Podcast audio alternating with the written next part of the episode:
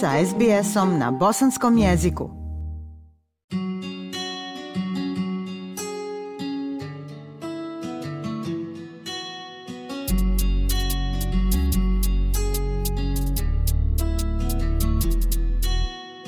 Slušate SBS program na bosanskom. Nobelova nagrada za medicinu 2023. dodijeljena je Katalin Kariko, profesorici na Univerzitetu Sagan u Mađarskoj te vanrednoj profesorici na Univerzitetu Pensilvanija i Drew Weissmanu koji je svoje nagrađivano istraživanje obavio zajedno sa profesoricom Karikom na Univerzitetu u Pensilvaniji. Oni su nagrađeni za otkrića koja su omogućila razvoj mRNA vakcina protiv COVID-19.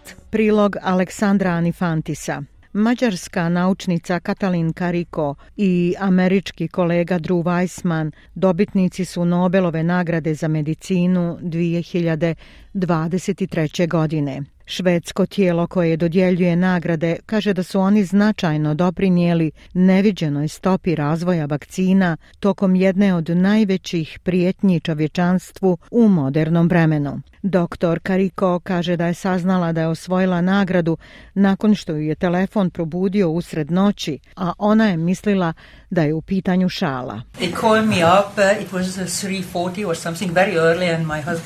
Pozvali su me u tri ujutru, vrlo rano. Moj muž je uzeo slušalicu, razgovarao s nekim i rekao ovo je za tebe. Predao mi je telefon i ono što je rečeno da smo ja i Drew Weissman dobili Nobelovu nagradu. Nisam znala da li je to stvarno. Sumnjali smo da je to možda neka šala. Dr. Weissman kaže da je bio u sličnom stanju nevjerice nakon što je primio vijest mi je poslala poruku, zagonetnu poruku u četiri ujutru, Thomas, call, pa sam mu uzvratio SMS-om i rekao, ne, ko je Thomas? I ona odgovara, Nobelova nagrada.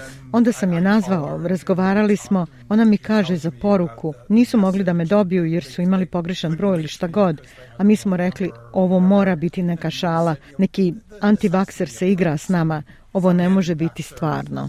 Nagradu među najprestižnijem u naučnom svijetu odabrala je Nobelova skupština Švedskog Karolinskog instituta Medicinskog univerziteta i iznosi više od 1,5 milion dolara koje dobitnici mogu podijeliti. Generalni direktor Svjetske zdravstvene organizacije Tedros Adhanom Ghebreyesus čestitao je ovom dvojcu na njihovom uspjehu. Today Danas je veliki dan za zdravstvo, veliki dan za nauku i veliki dan za vakcine. Najsrdačnije čestitam doktorici Katalin Kariko i doktoru Drew Weissmanu koji su danas dobili Nobelovu nagradu za medicinu za njihov rad na razvoju tehnologije koja je dovela do mRNA vakcina protiv COVID-19.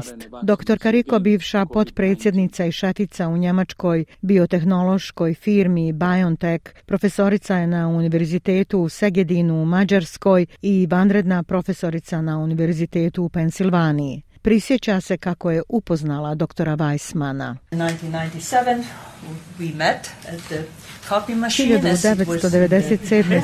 smo se kod mašine za kopiranje i možda morate imati još nekoliko mašina za kopiranje kako bi ljudi mogli stajati tamo i razgovarati. Ja sam bila ovdje 97. osam godina već i radila na projektu mRNA i hvalila se da mogu raditi na proučavanju. drugi je bio zainteresovan za vakcine i tako je počela naša saradnja. Dr. Weissman, profesor istraživanja vakcina također na Univerzitetu Pensilvanija, kaže da je pobjediti bio životni san i prisjeća se intenzivnog rada sa dr. Kariko više od 20 godina. On kaže da im je nedostatak popularnosti oko ribonukleinske kiseline otežavao pronalaženje sredstava.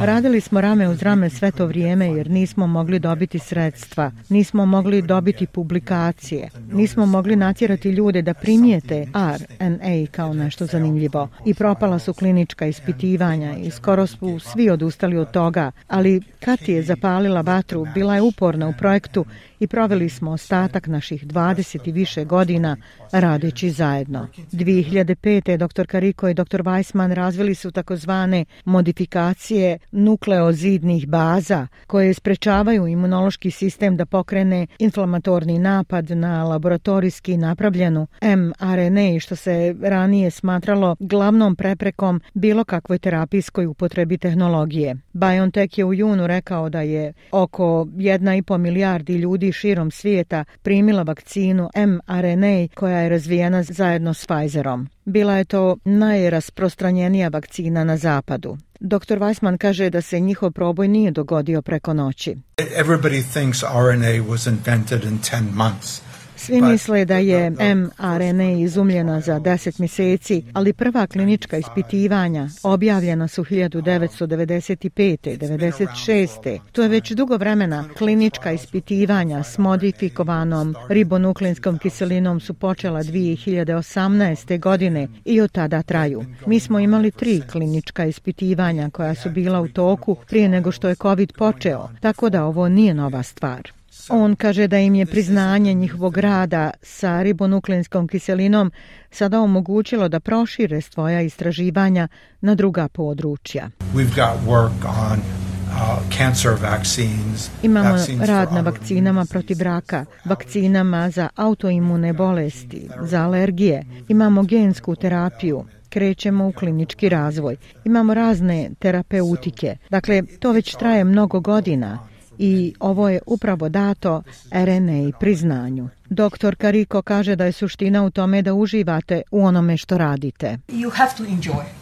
If you don't enjoy what you are doing, then you shouldn't do so that Morate uživati. Ako ne uživate u onom što radite, onda to ne biste trebali ni raditi. Dakle, ako volite reflektore, onda biste trebali biti glumac ili glumica. Ako volite da se držite u put staba, možda je vojska najbolja. A ako želite biti bogati, e, ne znam odgovor za to, ali ako želite rješavati probleme, nauka je za vas. Troje naučnika ovogodišnji su dobitnici Nobelove nagrade za fiziku. Oni su Pierre Agostini, Ferenc Kraus i Anne La Hulier. Norveški autor i dramaturg Jon Fosse dobitnik je Nobelove nagrade za književnost za njegove inovativne drame i prozu koja daje glas neizrecivom a Nobelovu nagradu za mir 2023. dobila je Narges Mohamadi, iranska aktivistkinja za ljudska prava koja je u zatvoru. Nju je režim hapsio 13 puta. Osudio je pet puta na ukupno 31 godinu zatvora, rekla je Berit trice Andersen, šefica Norveškog Nobelovog komiteta u Oslu. Nagrade koje su prvi put dodijeljene 1901. godine osmislio je švedski pronalazač dinamita i bogati biznismen Alfred Nobel, a dodjeljuju se za dostignuća u nauci, književnosti, kao i za mir, a u kasnim godinama i za ekonomiju. Švedski kralj Karl Gustav XVI uručit će nagrade na ceremoniji u Štokholmu 10. decembra na godišnjicu smrti Alfreda Nobela. Ja sam Aisha Hadži Ahmetović. Ostanite uz SBS program na bosanskom jeziku. SBS na bosanskom. Podijelite naše priče preko Facebooka. Želite poslušati još ovakvih priča?